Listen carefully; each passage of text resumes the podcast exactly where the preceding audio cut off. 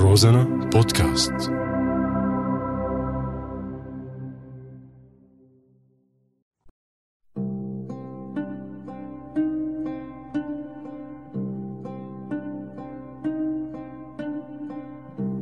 بعدك على بالي حاجة تقنعني بالعدالة.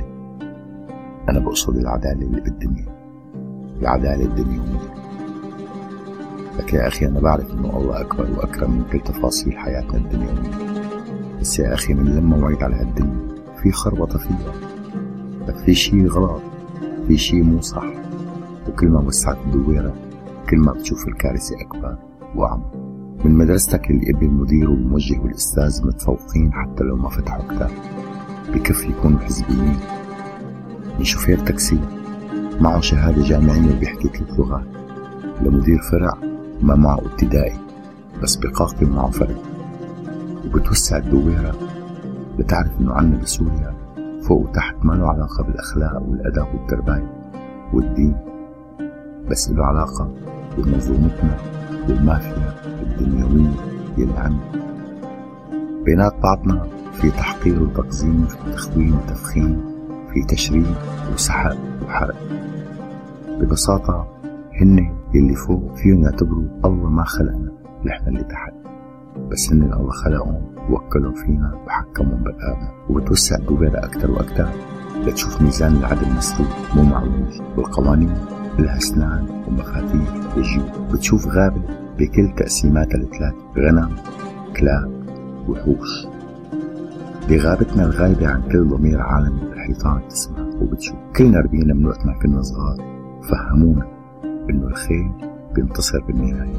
بس بواقعنا السوريالي لهلأ الخير كومبارس والشر هو المنتج والمخرج. وكلمة عدل كلمة مجازية. يعني ممكن شعب شقيق ببلد شقيق. يختصر كل معاناتك وتشريدك وموتك وتعذيبك بثلاث كلمات إنه شو كان بدكم بهالشغل مع إنه هالشقيق عيشته بتشبه عيشتك. يلي هي عيشة كلاب لك حتى الكلاب عايشة أحسن منه يعني هالكرة الأرضية يا صاحبي فيها حياة بس ما شفناها. فيها عدل بس ما حسينا فيه. مشان نحس بالعدل لازم نغير هالواقع. لازم نتمرد عليه. ومشان نتمرد عليه لازم نكشف وجوهنا. ومشان نكشف وجوهنا عم ندفع الثمن. ويمكن يا صاحبي هاي الفاتورة الوحيدة الصحيحة اللي لازم ندفعها وندافع عنها. كرمال يصير عنا عدل وعدالة. ويصير عنا حياة نعيشها يصير عنا كرامة نحس فيها وبعدك على بالي